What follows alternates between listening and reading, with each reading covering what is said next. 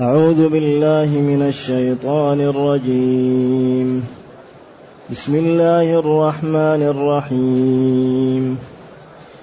وإذا طلقتم النساء فبلغن أجلهن فلا تعضلوهن أن ينكحن أزواجهن إذا تراضوا بينهم بالمعروف.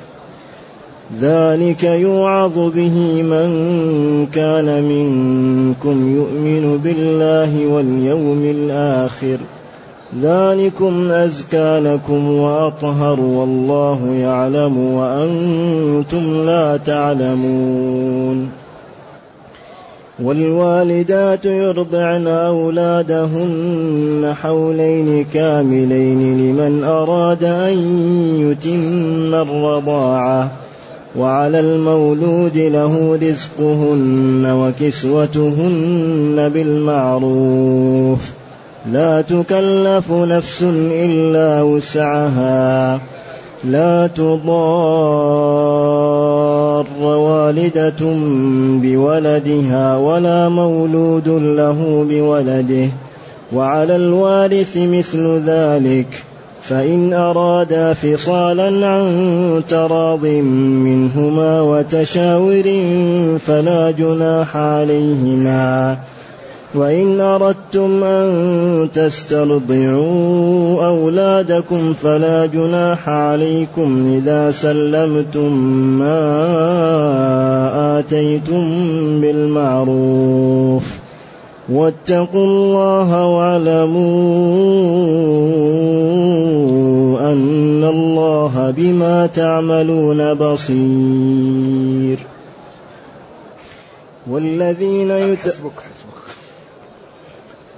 الحمد لله الذي أنزل إلينا أشمل الكتاب وأرسل إلينا أفضل الرسل وجعلنا خير أمة أخرجت للناس. فله الحمد وله الشكر على هذه النعم العظيمة والآلاء الجسيمة. والصلاة والسلام على خير خلق الله وعلى آله وأصحابه ومن اهتدى بهداه.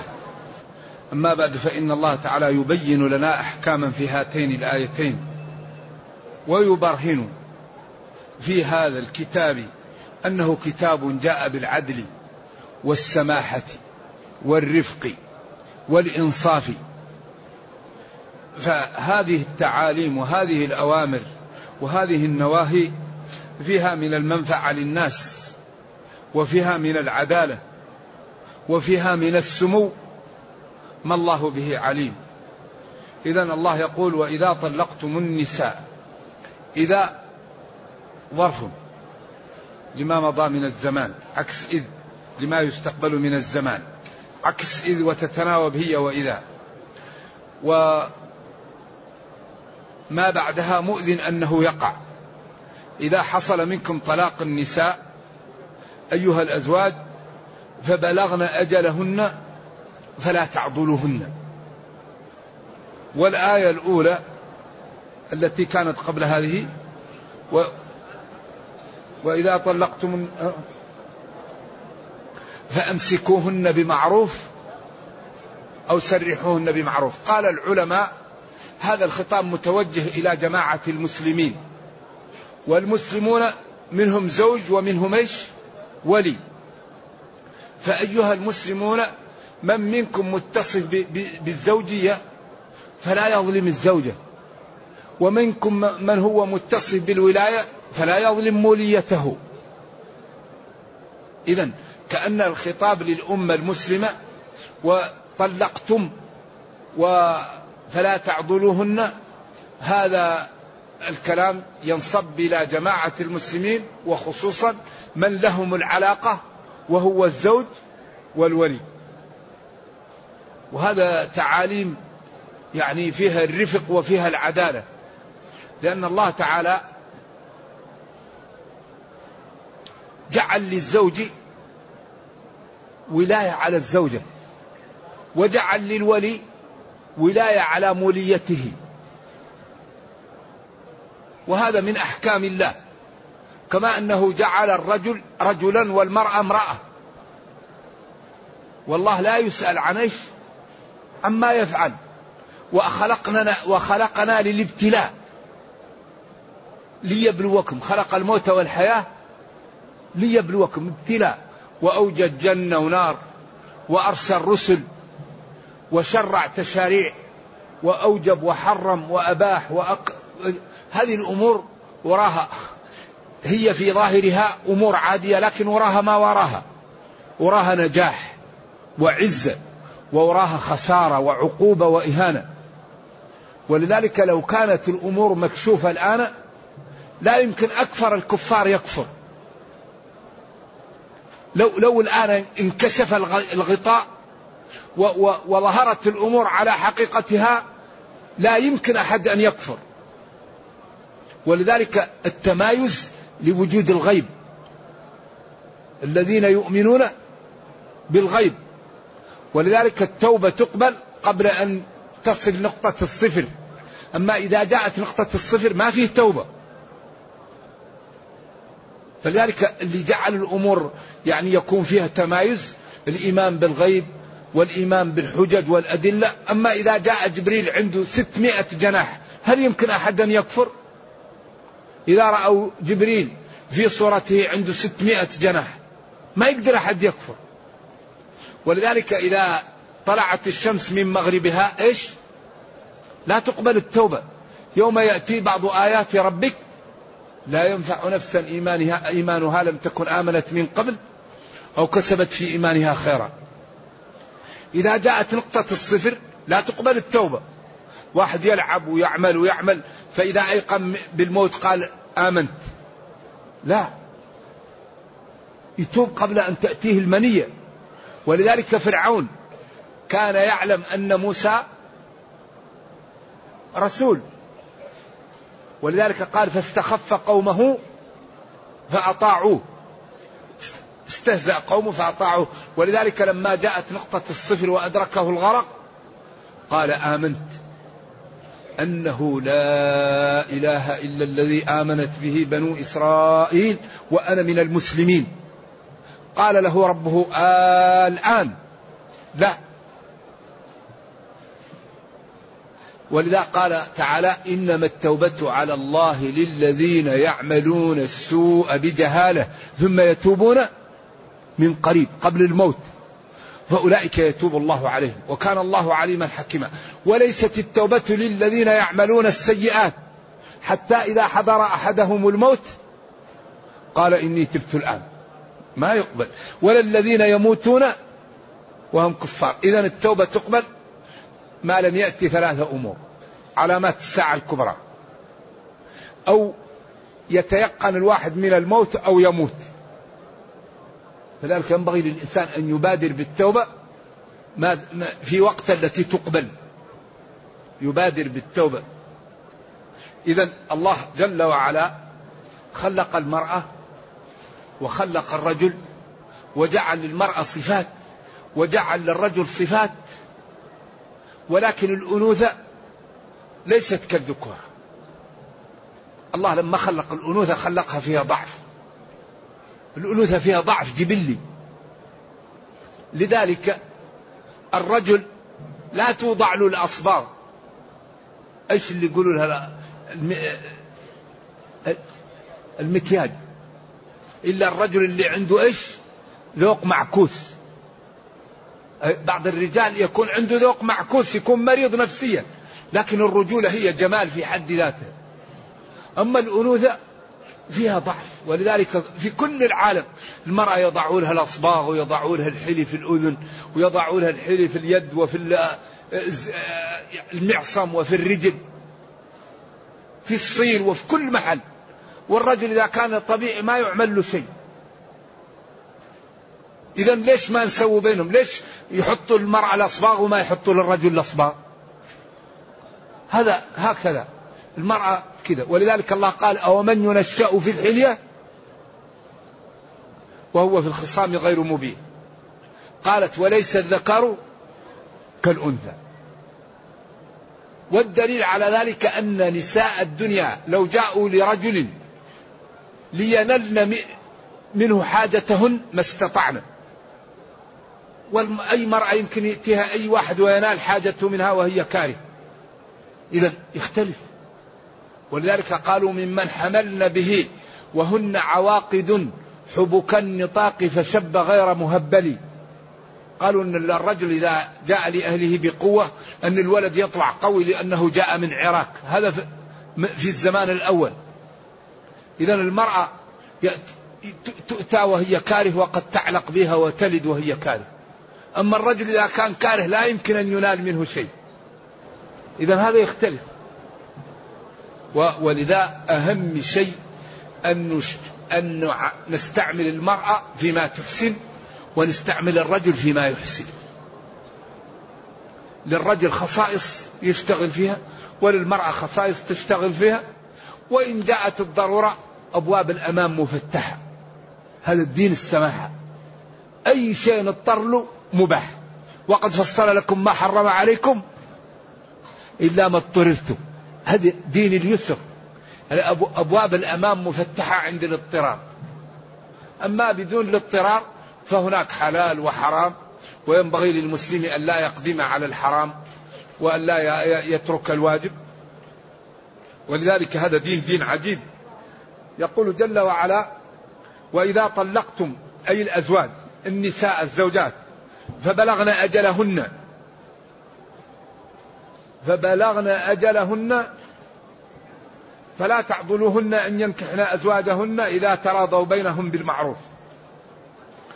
يقال للعلماء أن هذا سبب جابر بن عبد الله كانت له قريبة.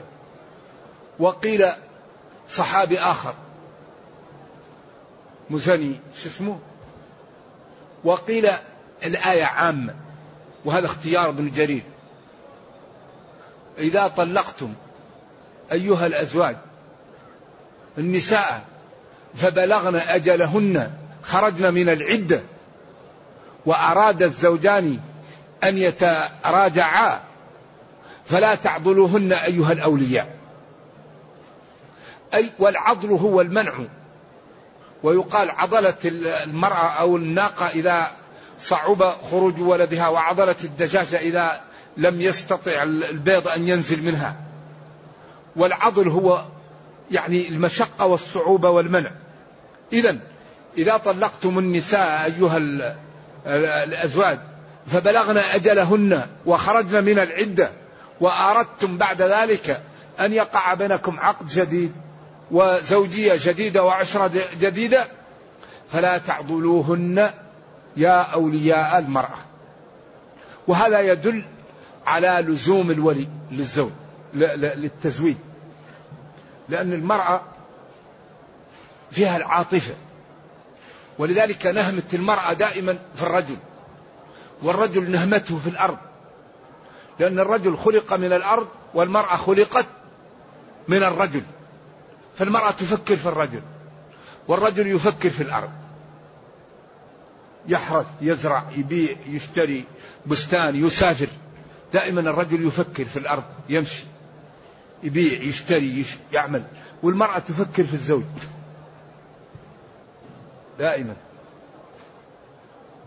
إذا فلا تعضلوهن أيها الأولياء في أن يرجعن إلى الزوج الذي طلقها وخرجت من العدة غضبا أنه ترك موليتك. الطلاق بايح وهذا ارتكاب خف الضررين. ذلك أي المذكور يوعظ به. إذا تراضوا بينهم بالمعروف إذا تراضى الزوجان بينهم هم بالمعروف أي بالمهر وبالطريقة التي يعيشون بها لأن ذلك أفضل وأبعد من الربا. إذا ذلك أي الذي ذكرت يوعظ يخوف به من كان منكم أيها الأولياء يؤمن بالله واليوم الآخر. يؤمن بالله ربا. أنزل رسولا وأتى بأوامر ونواهي يجب أن تنفذ. واليوم الآخر الذي ستنكشف فيه القضايا الغيبية. اليوم الآخر هذا هو أخطر شيء وهو من الموضوعات السبعة التي جاء القرآن يبينها. يوم يجعل الولدان شيبا. يوم تذهل كل مرضعة عما أرضعت. يوم لا تسمع إلا همسا يوم يفر المرء من أخيه وأمه وأبيه. إذا دائما القرآن يخوف باليوم الآخر. ذلكم أي الذي ذكرت يوعظ به يخوف به ويزجر به وينبه به من كان يؤمن بالله. ربا معبودا متصف بصفات الكمال والجلال وبمجيء اليوم الآخر وهو يوم القيامة الذي تنكشف فيه الحقائق. نحن الآن لا ندري عن حقائقنا وإنما نتعامل إيش؟ بالظاهر. واحد يظهر الدين وهو يمكن الله أعلم بحاله والله واحد لا يظهر الدين والله أعلم بحاله. ولذلك الحقائق يوم القيامة يوم يجمعكم ليوم الجمع ذلك يوم التغابن. يا فلان كنت تأمر؟ قال كنت آمر ولا آتي. وكنت أنهى وآتي. تندلق أقتاب الرجل يوم القيامة ويدور في النار كما يدور الرحاء يقول يا فلان ألم كنت تنهنا بالم... عن المنكر وتأمرنا بالمعروف؟ يقول كنت آمركم بالمعروف ولا آتيه وأنهاكم عن المنكر وآتيه قال العلماء الأمر بالمعروف والنهي عن المنكر طريق سلامة محققة. ولكنه أمره ونهيه لم يكفي. لأنه قدم على على الذنوب فكان أمره ونهيه لا يكفي لذلك. أما الأمر والنهي كل خير. ولذا قال العلماء إن أول من تسعر بهم النار القمم الذين لم يصدقوا وهذا يوم القيامة يوم يخاف. الناس كلها مع بعض فضيحة. واحد أعوذ بالله كان يعمل الفواحش فإذا هو واحد كان يعمل أي واحد يعمل أعوذ بالله ينكشف أمام الناس. وإذا قال ما فعلت جلده ينطق ما فيه إلا الحقيقة. وقالوا لجلودهم لما شهدتم علينا؟ قالوا أنطقنا الله. الذي أنطق إذا لا ينفع إلا الحق. هذا نحن الآن في الدنيا لا ينفع يوم القيامة إلا الحقائق. إنسان يصدق يؤمن يبتعد عن المعاصي يبتعد عن الذنوب يعرف أن الدين صحيح يعمل حقيقة. أما الذي يجاني للدين ولا يكون صادقا سيكشف ويعرى في هذا اليوم. فلذلك لا ينفع إلا الحق. ولذلك لا يوجد شيء مثل العدل. الذي قامت به السماوات والأرض. هذا دين دين الإسلام دين عملاق. دين السماحة دين النزاهة دين الفضل دين الرفق دين التضحية دين الإيثار دين الأخوة دين الصبر دين التغاضي دين الرفق دين الشجاعة دين المروءة دين الهمة. ذلكم أزكى لكم. يعني أنفع لكم وأزيد لكم في الأجر لأن الزكاة هي النمو والطهارة والزيادة. وأطهروا لأن الزوج السابق والزوجة السابقة إذا تراضيا للزواج وحال الولي بينهما فإن هذا مظن ليقع بينهم ما لا ينبغي والنفس ضعيفة. وهم يعرفون بعضا ويحن بعضهم إلى بعض فإذا منع الولي من ذلك النفس ترغب ويكون هذا سبب في إيش؟ في أمور ما لا تنبغي ويكون الولي سبب إيش؟ فتح ثغرة للمسلمين ووقع أخطاء وذنوب مما يسبب تقويض للأمة.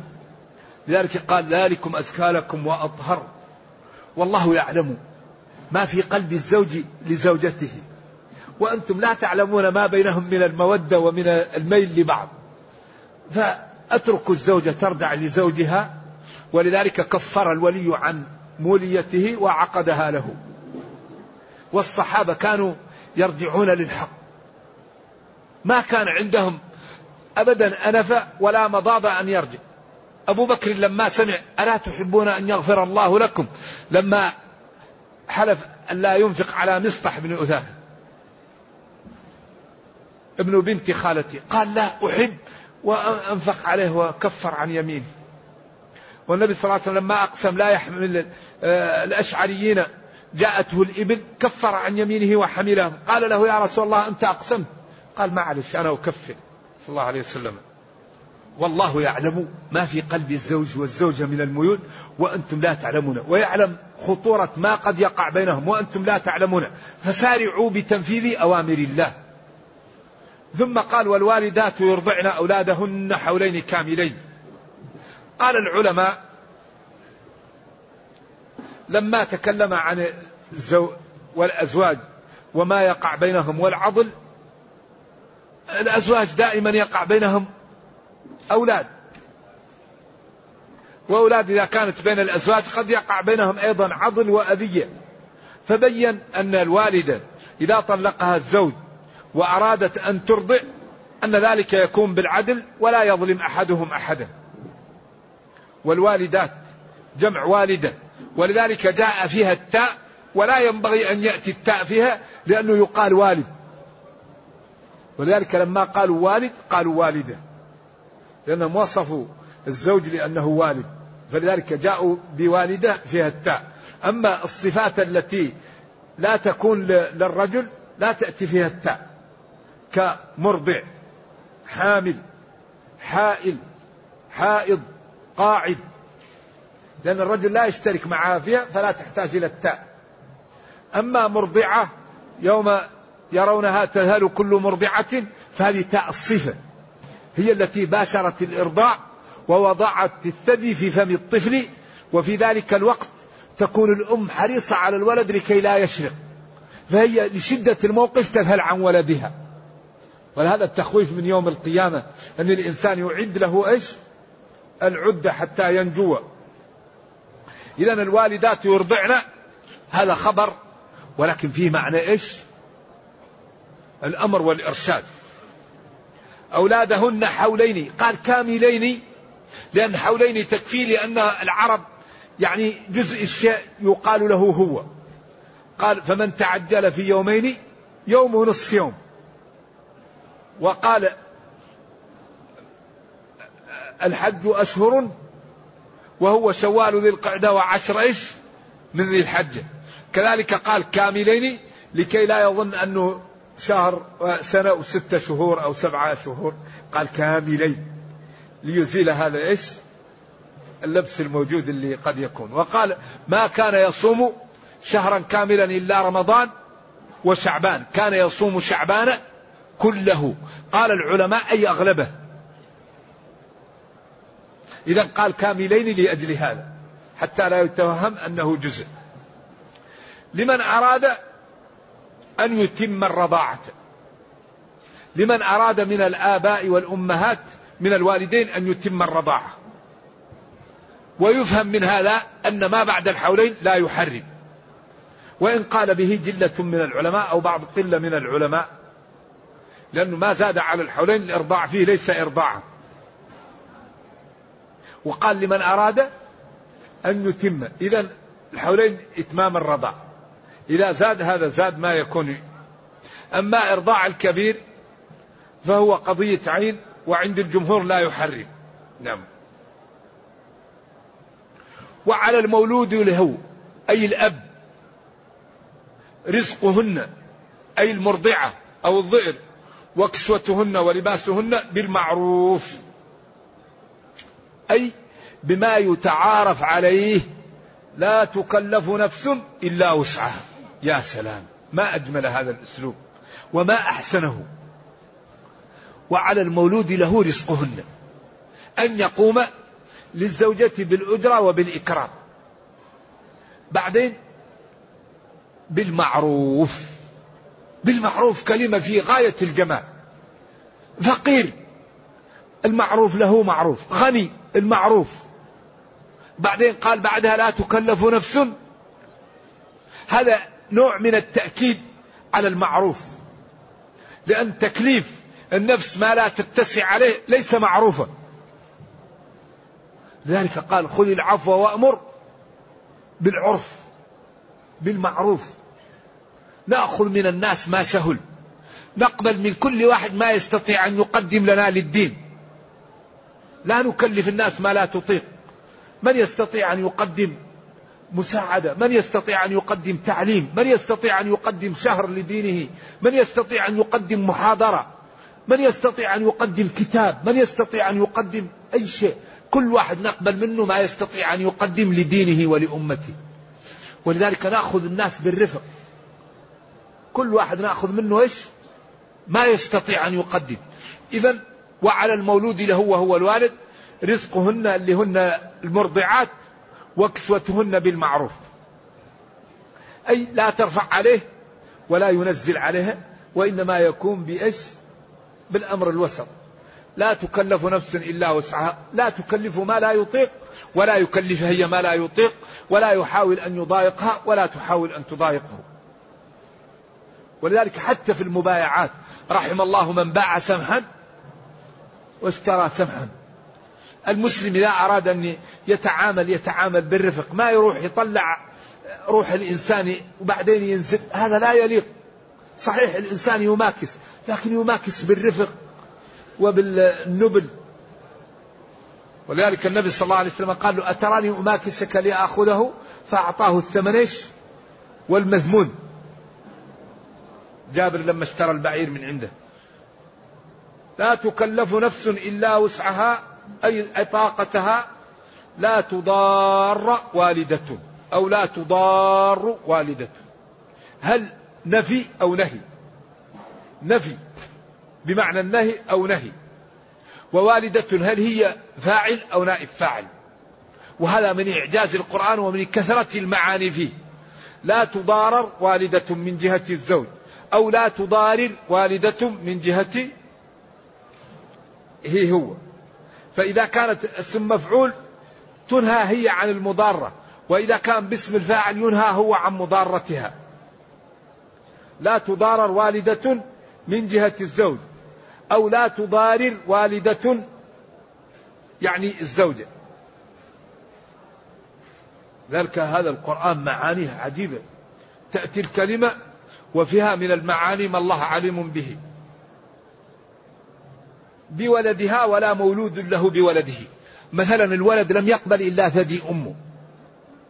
هنا تلزم بترضع. هو أراد أن يعطي الولد لغيرها يرضعها وهي قابلة لا. الأولى أن ترضعه هي إلى رضية إذا لا يضارها بأنها هي قابلة أن ترضعه فيأتيه بضئ غيرها ولا تضار هي أن تمتنع من رضاعه وهو لا يقبل إلا ثديها. لا لا يضار بعضهم بعض. ولا مولود له. هذا كلام طويل عريض إلى أقوال عديدة جدا. مولود له اللي هو الوارث وعلى الوارث مثل ذلك. المقصود وعلى الوارث مثل ذلك. لا تضار والدة بولدها ولا مولود له بولده. أي لا يضارر تضارر الزوجة الزوج أم الولد ولا يضارر الوالد الزوجة في ولدها. وكل منهم يعامل الثاني بالرفق وبالحسنى. فإن تشاجروا فالسلطان يمشي الأمور. إذا كان الولد محتاج لها تلزم به. وإذا كانت هي تريد أن ترضعه ولم يوجد غيره فهو يلزم بأن يعطيها الولد لترضعه. بعدين قال وعلى الوارث مثل ذلك. وارث من؟ وارث الوالد وارث الولد؟ ومن الوارث؟ هنا للعلماء أقوال عديدة. وأحسن ما يقال فيها أن الوارث هو الولد نفسه. وهذا اختيار بن جرير. لا تضار والدة بولدها ولا مولود له بولده. وعلى الوارث مثل ذلك. أي وعلى الولد. مثل مال والده. إن مات الوالد وبقي الولد عنده مال. عن طريق وليه. واضح؟ وعلى الوارث وهو الولي مثل ما كان على والده في إنفاقه على نفسه ويقوم بذلك نائب الوالد من وليه. وقيل وعلى الوارث مثل ذلك الوالدة وقيل والد الوالد وقيل أي واحد من الأقرباء على الأقوال لكن كونه الولد هذا أقرب لأن وارث الوالد هو من؟ هو الولد. فإذا مات الوالد وبقي الولد وبقي مال الوالد للولد ينفق على الولد من ماله عن طريق الولي. فإن أرادا الوالد والوالدة فصالا فطاما انفصل إذا انفطم عن تراض منهما وتشاور فلا جناح عليهما. قبل الحولين. أما إذا اختلفا يكملان الحولين. إذا قالت هي لا لازم من الحولين يكمل الحولين. إذا قال هو لا لازم من الحولين. إذا تراضوا على أقل من الحولين لا مانع. إذا هذا حل مشكلة أيضا. وإن أردتم أن تسترضعوا أولادكم فلا جناح عليكم. إذا أردت أن تسترضع ولدك لغير أمه وكانت الأم ممن لا يرضع لأن بعض المذاهب يرى أن الشريفة لا تلزمها الرضاعة. المرأة إذا كانت من بيت شرف لا ترضع وإنما تأخذ ضئر. وإذا كانت بيت شرف لها خادمان. فبعض المذاهب يبحبح المرأة كثير و أيوة كالمالكية مثلا. إذا وإن أردتم أن تسترضعوا أولادكم غير أمهاتهم فلا جناح عليكم. إذا سلمتم ما آتيتم بالمعروف إذا سلمتم ما اتفقتم وآتيتم بالمعروف واتقوا الله واعلموا أن الله بما تعملون بصير. أي بالذي تعملونه أو بعملكم بصير لا يخفى عليه شيء. فلا تظلموا الزوجة المرضع ولا تظلموا الضئر ولا تظلموا الولد ولا تظلم الزوجة الزوج ولا تظلم الضئر أم الولد ولا الزوج. لا يكون بينكم ظلم وكل واحد يؤدي ماله على الآخر وتعيشوا عيشة كريمة راضية هنيئة كل واحد يسعد وكل واحد يأخذ حقه وتكون بينكم الألفة والمحبة ويكون بينكم التعاون فتنهضوا بدينكم وبأمتكم. والله جل وعلا بالذي تعملونه بصير أو بعملكم بصير ما يمكن أن تكون موصولية ومصدرية. وهذا فيه ترغيب وترهيب. فختم الآية بالترغيب لمن اتقى الله يجد فيه وبالترهيب لمن يخالف فيقلع عن ذلك. وصلى الله وسلم وبارك على نبينا محمد وعلى آله وصحبه. والسلام عليكم ورحمة الله وبركاته.